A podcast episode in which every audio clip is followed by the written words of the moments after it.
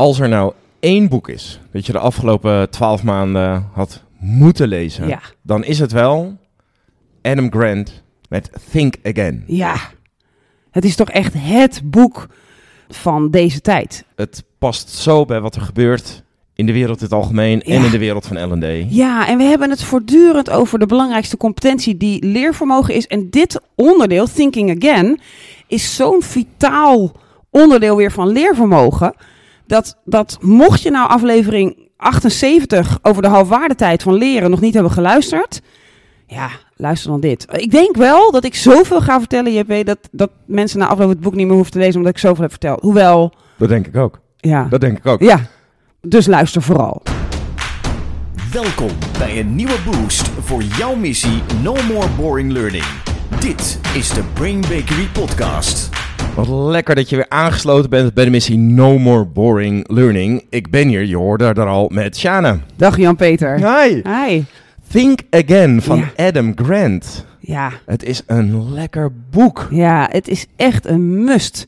Hij schrijft op een hele aantrekkelijke manier. Er zitten zoveel van die mini-onderzoekjes in, waardoor je weer op ideeën komt waar je, die je kunt delen met collega's, met klanten, met je familie. Ehm, het, is, het leest lekker weg. Hij heeft het goed opgebouwd. Hij heeft er drie mooie delen in gemaakt. Adam Grant is ook nog jong. Hè? Het is een organisatiepsycholoog uit Amerika. Hij is uit, tenminste voor mij is hij jong. Sorry luisteraars. Hij komt uit 1981. En hij schrijft veel dingen. Hij is ook super actief op de socials. En eh, ja, ik vind hem persoonlijk beter dan Simon Sinek. Kijk. Ik heb het gezegd. Bam! Huppakee. Voor alle luisteraars, ja, we gaan het in deze podcast hebben over het boek Think Again van Adam Grant. En waarom willen we dit boek nou met jullie delen? Dat heeft te maken met, eigenlijk als we hem even heel groot trekken, met wat er allemaal in de wereld aan het gebeuren Ja. is. Ja, en dan hebben we het over de wereld in het algemeen. Ja, En we hebben het over de wereld van L&D. Je Ja. hoorde het al eventjes eh, in onze intro. In podcast 78 hebben wij het gehad over de halfwaardetijd van leren. ja, En dat betekent dat kennis die je ergens opdoet, bijvoorbeeld in een studie of Ja. in een training, in een bepaalde tijd, en die tijd wordt steeds korter, ja, eh, dat de helft van die kennis eh, niet meer relevant is. precies. En dat betekent dat wij als L&D'ers, als mensen die opleiden, enorm moeten investeren in het leervermogen van mensen. Ja, En dit boek gaat over een prachtig element en dat is het herwaarderen. Think again. ja. Dat betekent dat eh, deze Adam Grant je eigenlijk voortdurend uitdaagt om even te herwaarderen of te heroverwegen of opnieuw te kijken naar dit dacht ik. Eh, klopt dat eigenlijk Ik nog dacht wel? ook dat het zo was. Ja, Ja. Ik, ik vind dat echt fantastisch dat hij, dat, hij daar, dat hij daar een boek over heeft geschreven. En het helpt heel erg, want er was een hele erg beweging al aan de, aan de gang in ons eh, werkveld van L&D, genaamd unlearning. Maar unlearning is technisch gezien niet Nee, dat mogelijk. kan niet. Nee, hè, want- wat is leren fysiologisch gezien? Hè? Er, er gebeurt een baantje van de ene neuron naar de andere met de synaptische spleet ertussen en die communiceren met elkaar. En je kan dat baantje een soort niet doorknippen. Dat is technisch gezien niet mogelijk. Maar wat er wel kan, is dat je gaat heroverwegen of herwaarderen wat je weet. En daar maakt hij echt een geweldige case voor. Het is zo fijn. Ja, Ja, dus in deze podcast gaan we je eh, natuurlijk vertellen wat, wat betoogt hij in dat boek. ja. Eh, we gaan ik wil vast één ding kwijt. Oh, nou. Nou, een van de dingen is bijvoorbeeld dat wij allemaal hebben geleerd van onze mama en papa of van onze verzorgers dat je als je worteltjes eet, dat je ogen beter worden. Ja. En dat blijkt gewoon uit de Tweede Wereldoorlog een propagandaverhaal te zijn. Lieve mensen, wij trappen daar tot op de dag van vandaag in. Maar het is propaganda geweest. Wat was er namelijk aan de hand? In die Tweede Wereldoorlog hadden de Engelsen die hadden een, een, een radar ontwikkeld voor in een vliegtuig. Waardoor zij beter konden zien. Ook als het donker was. Maar, dachten ze, als de Duitsers zien hoe vaak wij raakschieten, dan zijn we heel bang dat die Duitsers denken ze hebben iets, we gaan dat ook maken. Of we gaan eh, hun vliegtuigen neerhalen en het kopiëren. Dus wat ze deden was een campagne opstarten met wij geven onze piloten onwijs veel worteltjes, zodat ze heel goed kunnen zien in het donker. En tot op de dag van vandaag zeggen papa's en mama's en verzorgers tegen hun kinderen: nee, meer worteltjes eten als je slecht ziet. Het was gewoon propaganda. Rethink. Super geslaagde propaganda. Ja. ja, ja. Goed, Adam Grant eh, zegt eigenlijk tegen ons eh, in dat boek: je vult vooral aan het begin van je leven vul je met allemaal kennis. Ja. En ehm, zoals we het tot nu toe doen, wij mensen in het leven, is, eh, nou, ik heb kennis tot me genomen en daar doe ik het mee in het Ja. leven. En natuurlijk komt er ook wel eens wat nieuwe kennis bij. Maar wat er bijna nooit gebeurt, is dat je vooral bewust is gaat nadenken over, ja, ja, ik dacht dat het zo zat, maar is dat nog wel zo? Ja. Moet ik dat niet eens herwaarderen? Moet Ja. ik niet eens thinking again? Ja, ik, ik zat tijdens het lezen, zat ik op een gegeven moment te denken, er moet een app komen. Een app waar ik dan in kan vullen wat mijn geboortejaar is. En dat er dan een soort lijst verschijnt met alles wat jij waarschijnlijk hebt geleerd tussen Ah, jouw ja. nulde en jouw achttiende. En Al deze dingen zijn echt complete onzin gebleken. Maar jouw generatie of jouw leeftijdsgenoten hebben dat allemaal geleerd en geloven dit. Dat zou, ik weet, ik Dat weet zou niet. Dit is een oproep. Als iemand Ja, die app wil maken, ik ga je sponsoren. Dat, Ja. zou, dat zou wel een, eh, behoorlijke blinde vlek eh, Ja. zichtbaar maken, denk ik. Ja. ja. Hey, ehm, en in het boek heeft hij het ook over die plek waar je dan zit. Als je dus niet aan herwaarderen doet. Als je, als je eigenlijk vast blijft houden aan de kennis die je hebt. Dan kun je op drie plekken zitten. Ja. En die drie plekken, dat zijn dan mindsets. Die eh, vergelijkt hij met drie personages. Dat zijn de dominee, de aanklager en de politicus. Ja.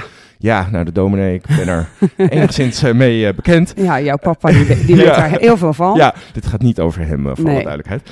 Eh, hij zegt vanuit die mindset ben je vooral je eigen ideeën heel erg aan het promoten en niet meer naar anderen aan het luisteren. Je bent dus aan het preken. Ja, Dat bent aan het eh, preken ja. van ik weet hoe het zit. Er is ook geen andere oplossing nodig. Want Nee. dit is hoe het is. Dit is de En ik, wijsheid. en ik ga jou dat eens even vertellen. Ja. En ik denk dat we allemaal in de afgelopen pandemie wel hebben gezien hoe mensen daarop reageren. Ja. Vaak wordt de ander daar niet heel ontvankelijk Nee, eh, nee. En, dan, en wat er dan als gevolg komt, is dat je dus een soort in-crowd krijgt die allemaal hetzelfde denkt en, jou, en die preken dan naar elkaar. Ja. Heel, heel leuk. Ja. Ja. Waardoor je natuurlijk ook enorm de confirmation bias Ja. aanzet. Want je, nou, de bubbel, we kennen allemaal de term de bubbel, je belandt enorm in je eigen kennisbubbel. De tweede is de aanklager, ook zo'n fijne. Ehm, ja, die is natuurlijk ook enorm overtuigd van mijn kennis is de juiste. Ja. En die gaat de kennis van anderen aanvallen, Ja. aanklagen. Dus die gaat niet zozeer preken mijn kennis is de beste. Die gaat vooral zeggen jouw kennis is niet goed. Ja, dit klopt er niet aan, dit klopt er niet aan, dit klopt er niet aan. Dus die gaat ook research doen om eh, datgene waarvan hij zeker weet dat het niet klopt, om daar nog meer niet kloppende shizzle bij te halen. Ja, en ik denk dat de aanklager kun je ook wel herkennen aan het feit dat als je bijvoorbeeld een gesprek met iemand hebt gehad en je hebt zelf het gevoel, ha ha ha, ik heb je mooi te pakken gehad. maar de ander is niet van mening veranderd, dat de aanklager dan toch Mhm. denkt, zo, dat, heb ik goed gedaan. lekker. Ja, Ja. ja. Ja. En dan hebben we nog de politicus. Eh, die is vooral bezig om natuurlijk aan, aan groepsvorming te doen. Hè? Om Ja. anderen te overtuigen dat je eigenlijk bij zijn groep moet komen. Ja. Eh, en zijn groep is dan natuurlijk de groep die diezelfde kennis heeft. Ja. Dus die is vooral op zoek om anderen mee te krijgen. En niet op zoek naar wat is nou de beste kennis? Wat is de waarheid? Ja, en die houdt heel erg van het zeggen van dingen die, waarvan die weet dat anderen dat vinden. Dus die is niet zozeer zoals de prediker gedreven door ik vind dit en dit is echt waar. Maar die is meer van oké, wat willen ze graag horen? Dan gooi ik het lekker even die kant op. Ja. En ik denk dat we allemaal wat politici hebben gezien in de afgelopen eh, decennia. Die soms dingen zeggen waarvan je denkt, volgens mij sta je daar toch helemaal niet voor. Maar kennelijk is het lekker om dit nu te zeggen, dus zeg jij dit. ja. En die drie moeten we ons realiseren zitten allemaal in ons. Adam Grant zegt eigenlijk, ga nou even ontdekken wanneer ze naar voren komen. Hè? Waar zit jouw dominee, waar zit jouw aanklager en waar zit jouw tevelgladde politicus. Politicus, ja. ja. En dan voegt hij natuurlijk een vierde eraan toe. Ja. Want anders blijft het alleen maar bij een aanklacht, dit boek. En hij zegt, ja, er is een vierde plek, een vierde mindset van waaruit je kunt redeneren, van waaruit je kennis kunt willen opdoen. En dat is de mindset van de wetenschapper. Ja. En de wetenschapper heeft maar één doel, die is nieuwsgierig naar, klopt dit? Wat is nou feitelijk correct? Wat is nou Ja. het meest slim, het meest waarheidsgetrouw? Met de wetenschap, dat wat nu waarheid is, Ja. zou heel goed over een tijdje weer niet de waarheid kunnen zijn. Ja. Dat is denk ik een heel belangrijk iets. Dat, dat het mist dus de, de stelligheid, het mist de overtuiging van... oké, dit is dus nu waarheid, dus dit blijft het. Ja. Er zit een grondige nieuwsgierigheid achter. Ja, en, en de durf om te twijfelen. Is in die zin ook een, een ode aan twijfel. Ik vond het verhaal waar die mee begint met die brand op die berg. Ja. Er waren een aantal eh, brandweerlieden heel druk aan het blussen. En op een gegeven moment kwam de brand heel snel nader. Zij renden naar boven. Vergaten, omdat je altijd je bagage, altijd je, je props bij je hebt, vergaten die om die af te doen. En er was uiteindelijk iemand die zich redde door om zich heen een brand te stichten. Waardoor het om hem heen al verbrand was. En daarin te gaan liggen en zo de brand te overleven. En hij was een van de weinigen die overleefde. Dus geheel tegennatuurlijk had hij in dat moment waarin je al uitgeput bent en whatever, dacht hij, brand gaat mij redden van brand. En dat was nog nooit eerder als een strategie toegepast. Dus ja, zo'n voorbeeld, dat zet je gelijk al aan het denken Ja. van wauw, hoe dom redeneren we soms wel niet. ja, je blijft dus vasthouden aan die kennis. In dit geval vanuit een eh, training, vanuit een opleiding. Ja, Dat heeft in dit geval een paar brandweermensen eh, de dood veroorzaakt, Ja. de dood gebracht. ja, En één iemand dus niet, omdat hij die kennis ging rethinken. ja. Ja. In de, in de heat of the moment. Hij haalt ook heel veel bedrijfsvoorbeelden aan. Eh, natuurlijk, de ondergang van BlackBerry komt weer langs. Hè, eh, BlackBerry die dacht op een bepaalde manier: mensen houden van knopjes. En was de allergrootste, alle idolen, alle popsterren. Iedereen gebruikte hem. En waar die, deze man, eh, Mike Lazardis, zo goed in was, was in het rethinken van hoe je een telefoon kunt gebruiken. Was hij niet goed genoeg in het rethinken toen de Apple iPhone kwam. Wat ik ook een heel mooi eh, feitje vond, eh, was dat ze in Amerika maken ze natuurlijk alle tests met potlood. Dus je kunt heel goed nagaan, als iemand een toets heeft gemaakt op een universiteit, of er gegumd is in de antwoorden. En wat eruit kwam, mensen, dit echt mijn haren Ja, rezen deze, ter bergen. Ehm, die, ehm, ehm, als je dus een verbetering zag, dan hebben ze gekeken van, oké, iemand had eerst A en nu hebben ze C ingevuld, hè, of ze hebben iets aangepast. Dan ga je van eh 25% van de keren ga je van goed antwoord toch naar fout. 25% van de keren dat je iets wijzigt, ga je van fout naar fout. Maar 50%, dus meer dan de, of iets meer dan de helft van de keren, ging je van fout naar goed. Ja. Dus, dus als het in je opkomt, als je ooit een toets zit te maken, zal ik dit wijzigen? Statistisch gezien is het waarschijnlijk zo dat rethinking werkt. eh, en eh, dat je dus meer kans hebt met het nieuwe antwoord. Ik vond dit echt een hele... Die kwam echt binnen, want ik weet nog dat op de middelbare school... dat je heel vaak te horen kreeg bij meerkeuzetoetsen... Ja, eh, ga af op je eerste gevoel. Ja. Ga niet te veel eh, corrigeren, want vaak zit je eerste gevoel goed. Niemand weet waar dat op was gebaseerd, Nee. maar dat ging, dat ging altijd rond bij, bij dat niet soort wijzigen. toetsen. Ja, En dat klopt dus gewoon niet. nee. Nee. Nee. En wat ik ook goed vind, is dat Adam Grant de, de snelheid van veranderen erbij betrekt. Eh, wat hij vertelt is dat ehm, hij keek naar de verdubbelingskennis van medische kennis. Dus niet de halfwaardetijd, maar de verdubbeling. En hij zei, voor 1950 duurde het 50 jaar om de medische kennis die we hadden te verdubbelen. Hou je vast, hè mensen.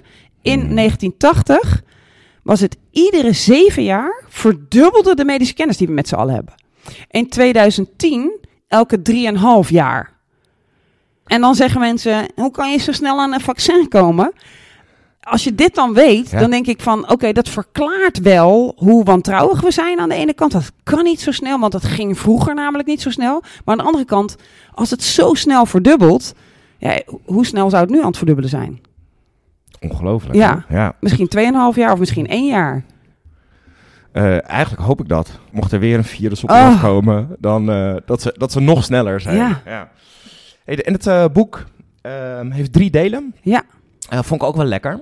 Eh, dus dat is voor, eh, voor mensen die het gaan lezen ook wel fijn om te weten. Het is lekker overzichtelijk. Het eerste deel is het herwaarderen eigenlijk in jezelf, gericht op Ja. jezelf. Dan hebben we het ehm, herwaarderen in een één-op-één situatie. hè. Dus, dus proberen dat bij iemand anders Voor Te elkaar bereiken, te krijgen, ja. ja. eh, en als laatste, en vooral als je L&D'er bent in een organisatie, eh, dan is alle delen zijn heerlijk, maar het laatste deel is dan helemaal relevant. Het gaat over het herwaarderen, aanleren in een organisatie. Ja.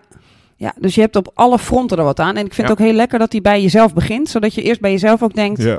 Zo, de knetter, wat weet ik weinig. Of wat ben ik weinig aan het rethinken. Ja. Wat ik eh, heel gaaf vind, is dat hij ook zegt... Hè, hoe krijg je nou die mindset van die scientist aan, hè, van, die, van die wetenschapper? Daar hebben we het nog niet zo erg over gehad. Hè, want die, de dominee en, en de aanklager eh, en de politicus zijn we allemaal. Maar hoe zet je nou je mindset nou goed aan in dat eerste stuk? Hij zegt, je moet eigenlijk gaan zoeken voor... en op zoek gaan actief naar waarom zou het fout kunnen zijn wat ik denk. Ja.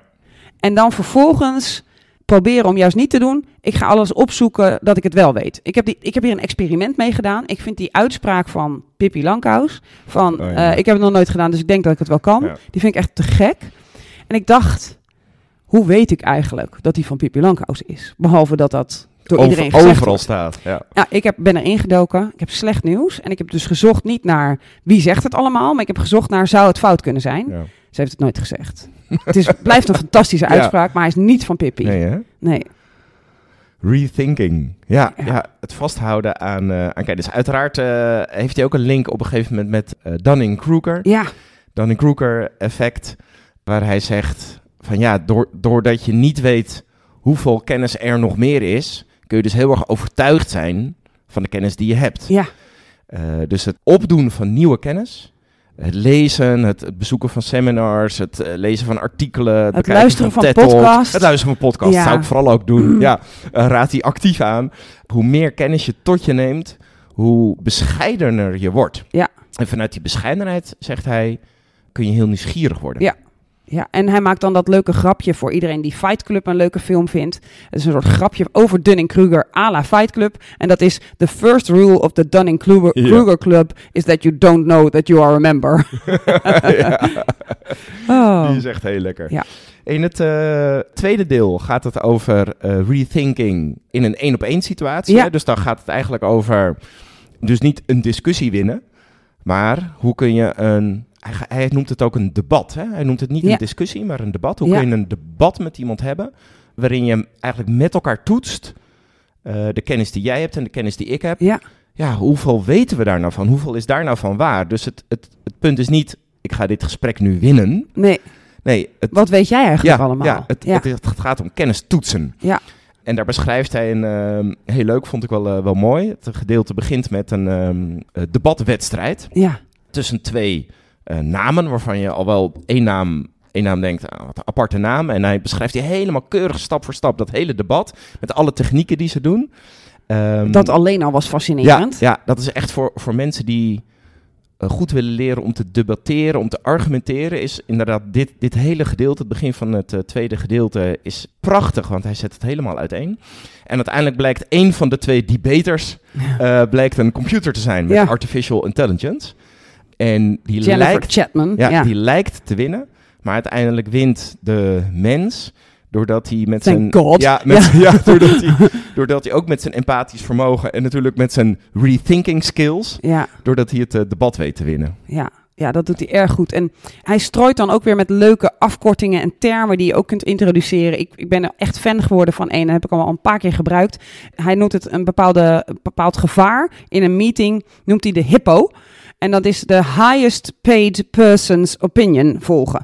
Dus de highest paid, highest paid person in the room, als die een soort zegt, nou ik vind het niet zo'n goed idee, dan zie je bijna iedereen een soort, oké, la la la. Terwijl je moet juist actief gaan organiseren dat we tegen elkaar in durven gaan. En hoe doe je dat nou? Daar gaat hij het ook echt goed over hebben. Hij heeft het eh, op een gegeven moment ook over de logic bully. Ja, Prachtige term. Dat is iemand die dus niet per se het gelijk heeft, maar die met zoveel argumenten komt die soms eh, steek houden, maar vaak ook lijken steek te houden. En die overweldigt je met zoveel argumenten dat je denkt, nou ja, dan zal het wel kloppen. ja. Eh, terwijl het helemaal niet zo hoeft te zijn. Ja, ja, ik was ook zelf geraakt door een uitspraak van hem. Hij zegt, als je dan in, een in een goede discussie gaat, hè, om eigenlijk de breinen aan te scherpen, dan gaat het om getting hot without getting mad. En ik vind dat zelf geweldig. Dus ik vind het heel lekker om, als de relatie maar goed is, om toch echt even getting hot, echt Ja. even te vuren en te zwaard. Ik ben het er niet mee eens en dat. Jij wint je nogal graag op. Ik vind dat lekker. Ja. En ik merk soms dat ik er echt tegen aanlopen dat mensen die twee bij elkaar optellen. Ja. Dus dat mensen denken van, oké, jij wint je nu zo op, dus vind jij mij kennelijk niet aardig. Terwijl ik dan echt alleen maar zwaar gefascineerd ben door de feiten en soms inderdaad dan een totale dominee wordt. Eigenlijk is misschien onze hele No More Boring Learning, is dat? Nou, Zou deze podcast, zou deze pod, oeh, zou Oh. deze podcast een, eh, doorpraten, ja, doorpraten. Ja, Ja, misschien moeten we dat eens even herwaarderen. ja, Ja. Maar, dat, maar dat klopt wel. Dat is, een, dat is een sterk betoog van hem. ja, En dat is denk ik voor onze luisteraars ook wel, wel goed. Dat heel veel organisaties werken natuurlijk in teams. Ja. En wat je volgens mij wil, in, als, als je een sterk team hebt, dan zijn je teamleden in staat om met elkaar een debat te voeren. Ja. Dus niet te discussiëren, niet, eh, niet eh, een conflict uitspreken. Dat is ook belangrijk, maar te debatteren. En dat betekent dat je best verhit de kennis van een ander eh, kan bekritiseren. Ja. En kan zeggen, ja, dit, dit deden we altijd zo, of dit, dit is je argument, maar ik, ik ben wel nieuwsgierig naar, zou het ook niet kunnen kloppen? Ja. Maar dat betekent dat je inhoud en relatie van elkaar moet kunnen scheiden. Precies wat jij nu zegt, Ja. Shana. Want je moet je niet persoonlijk aangevallen voelen. Nee. Het gaat erom, vanuit de wetenschapper mindset, Ja. eigenlijk de kennis die de ander eh tentoonspreidt, aanvallen. Ja. ja, en wat je dan ziet is dat die, die aanval dus eerder met vragen gepaard gaat. Hè? Je ziet Ja. dat, dat goede debaters, die stellen eh eh 21% van de dingen die ze zeggen, zijn vragen. Terwijl bij slechtere of gemiddeld goede debaters is 9%, 10% van wat ze zeggen is een vraag. En wat ik ook fascinerend vond, is dat hij omschrijft dus als ik mensen laat nadenken op een bepaalde manier, dan kunnen ze ook meer in agreement komen. En daar wil ik twee voorbeelden van geven. Eentje ging over de voetbalfans van Man United. Ehm, wat, die- wat ze hadden gedaan, even los, want dit had ook gewoon met Ajax, Feyenoord, eh, PSV eh, kunnen gebeuren. Ehm, wat ze deden was, ze gaven fans gaven ze een schrijfopdracht. En wat ze dan deden was dat vlak nadat ze een soort klaar waren met schrijven, viel er iemand in de buurt en die klampte dan zijn enkel vast en die riep dan echt ah van de pijn. Hè? Dus iemand echt, die had echt eh, schreeuwde het uit van de pijn. Maar die persoon die viel, die had een t-shirt aan van een rivaliserende voetbalclub. Nou, nou bleken ze natuurlijk twee verschillende schrijfopdrachten hebben Ja. gegeven. Als die mensen hadden opgeschreven eh, waarom Man United zo'n mooie club was, dan ging 30% van de mensen ging die vallende persoon die echt gilde van de pijn helpen. Terwijl, als ze hadden opgeschreven waarom voetbal de mooiste sport op aarde is, ging meer dan 70% die meneer die viel helpen. Cool, hè? Ja, dus het nadenken en dus vragen stellen en het, het zorgen voor het verbindende Ja, element. Ja, de common ground. Ja, dat was echt, eh, dat vond ik echt een heel sterk stuk. En het andere was natuurlijk over, ehm, in Amerika meer dan hier, heb je natuurlijk een soort kampen. Ja. Hier heb je ook wel kampen, maar in Amerika zijn ze wel echt koning van de kampen. Eh, bijvoorbeeld over abortus of over wapens of over dat soort dingen. Daar zit iedereen echt, weet je, je hoort, in de familie ben je ook allemaal met elkaar, ben je daarvoor tegen. Er wordt alleen maar gepredikt en gedomineerd en gedaan. En wat ze gedaan hebben, eh, Peter T. Coleman, die heeft een experiment gedaan. Je mag zo meteen in gesprek gaan met iemand over een moeilijk onderwerp. Bijvoorbeeld abortus. Je krijgt 20 minuten om met elkaar in gesprek te gaan. En je krijgt iemand die echt het tegenovergestelde denkt van jou. En dan mag je na afloop mag je ervoor kiezen of je ofwel een verklaring tekent. Waarin je over de dingen waar je het in ieder geval over eens bent. Ofwel dat je niet gaat tekenen. En eh, ter voorbereiding krijg je een artikel te lezen over een ander moeilijk topic. En eh, wat ze gedaan hadden, is ze gingen dus echt mensen die echt gewoon zwaar pro-abortus en mensen echt totaal anti-abortus, die gingen ze met elkaar laten praten. En die kregen een artikel over gun control, over, over de wapens.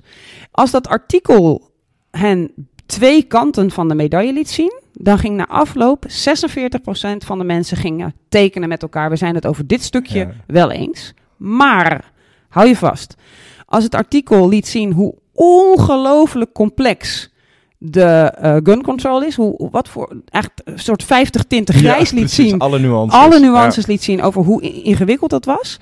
Hetzelfde aantal woorden, maar meer de complexiteit liet zien. Dan tekende 100% van de mensen iets over abortus waar ze het samen over eens waren. Ja, dat is toch fascinerend om te snappen. Ja, ik vind, die vond ik echt heel mooi. Die zit ook in dat derde deel eh, over hoe je in organisaties dit zou kunnen doen. Dus wat, wat daaruit voortkomt is dat zonder dat je mensen expliciet moet gaan zeggen, nou ga maar eens herwaarderen, door ze mee te nemen in, jongens, dingen zijn echt veel ingewikkelder dan Ja. dat op het eerste gezicht is. Gaan ze dus dat, het Ja. is veel ingewikkelder, ook toepassen op andere dingen. Ja, En dan zou het ook op hun eigen werk of de kennis die zij zelf Ja. tot zich genomen hebben, kunnen ze dat gaan Ja. toepassen. ja en da- daar kun je echt fascinerende dingen Ja. mee doen. Dat, dat zie je ook wel in trainingen, dat je, dat je gewoon zegt van oké, we hebben zes persona's van, als klant. Laten we die zes persona's nou eens laten kijken naar dit nieuwe product. Welke genuanceerde meningen zouden zij allemaal hebben? En ook als ze tegen zijn, wat zouden ze dan denken? En als ze voor zijn, wat zouden ze dan denken? Dan krijg je zo'n rijkheid aan. Alleen, ja, dat omschrijft hij ook helemaal in het boek. Alleen die grote rijkheid aan nuances, die vinden we dan ook wel weer moeilijk. Ja. Want ons brein wil toch graag, nou, maar ik ben voor of ik ben tegen. Juist. Hij heeft het op een gegeven moment over de, eh, de binary bias. Ja, Ja, dat wij willen gewoon heel graag eh, ingewikkelde zaken versimpelen. ja. als je bent in, of een jongen ja, of een is- meisje. is een ja of nee. je bek. Ja, precies. Ja. Het is zwart of wit. Je bent voor of tegen. En zo is het natuurlijk vaak niet in het leven. Nee, nee. ja, zeker. En daarin is daarom dit boek lezen met die achtergrond van die pandemie, waarin alles de hele tijd verandert. Want Ja. dan is er weer een nieuwe variant, er gebeurt weer iets. De regering doet dat daar, maar Denemarken doet dat. En in Duitsland doen ze dat. En hoeveel bedden hebben we eigenlijk? En al die meningen die we daar de hele tijd opgooien, terwijl het een ongelooflijk complex iets is. Ja, dat vraagt bijna om rethinking all the time. Ja, ja. Ja, Ik kan nog één voorbeeld eh, Ja. delen vanuit mijn onderwijshart voor onze luisteraars die eh, in het onderwijs zitten of daar, eh, daar raakvlak op hebben. Hij beschreef dat een, een lerares van de high school in Amerika, die wilde graag dat haar leerlingen dus kritischer werden. Ook kritischer op de lesstof Oeh. die zij aanbood.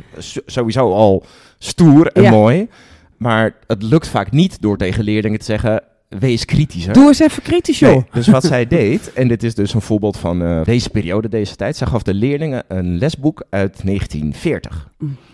En eh, die gaf ze gewoon. En nou, wat vinden jullie daarvan? Ja. En leerlingen waren daar super kritisch op. Ja, maar dit kan toch niet meer? Dit klopt helemaal niet meer. Dachten ze toen zo? Wat erg. Ja, Ja. ehm, en eigenlijk in navolging van het experiment dat jij net beschreef van Coleman, is dat ze daardoor automatisch kritischer werden op de lesstof die ze op dat moment in hun eigen tijd werden eh, aangeboden. Ja. En dus gingen ze er hele goede vragen over stellen. En ontdekten ze dat soms in zo'n lesboek gewoon fouten zaten of Ja. dingen die heel twijfelachtig waren. Ja. Dat vond ik zo mooi om, om op die manier mensen mee te nemen in het thinking again. Ja, in kritisch nadenken. En omdat het dan zo lang geleden is, dat boek, mag het ineens. En dus kunnen ze het op andere momenten Ja, ook. dan voelt dat soort veilig. Ja. Hè, dat voelt dat afstandelijk. Ja. Het is een hele slimme techniek om het zo eh, toe te passen. Lekker. Ja, dus mensen, lees dit boek. Ja. ja. Ja. Ja. of zullen we nu zeggen, nee, lees het boek niet. ja, eh, ik, denk dat het voor, eh, ik denk dat het voor elk mens een boek is. Het is een aantrekkelijk boek om te lezen. Ja. Het is zowel in het Engels als het Nederlands eh, verkrijgbaar. Het is ook een luisterboek verkrijgbaar. Ja. Het is een aantrekkelijk boek met veel, veel leuke onderzoeken, veel anekdotes. En af en toe nou, doet het een beetje, ja, een beetje pijn. Ja, Ja, zeker. En dat is ook de bedoeling. Ja, nee, doet, ik vind het echt best wel veel pijn doen. Ja. Maar de goede pijn, waardoor je echt denkt, tering, ik wil dit toch even op een andere manier gaan bekijken.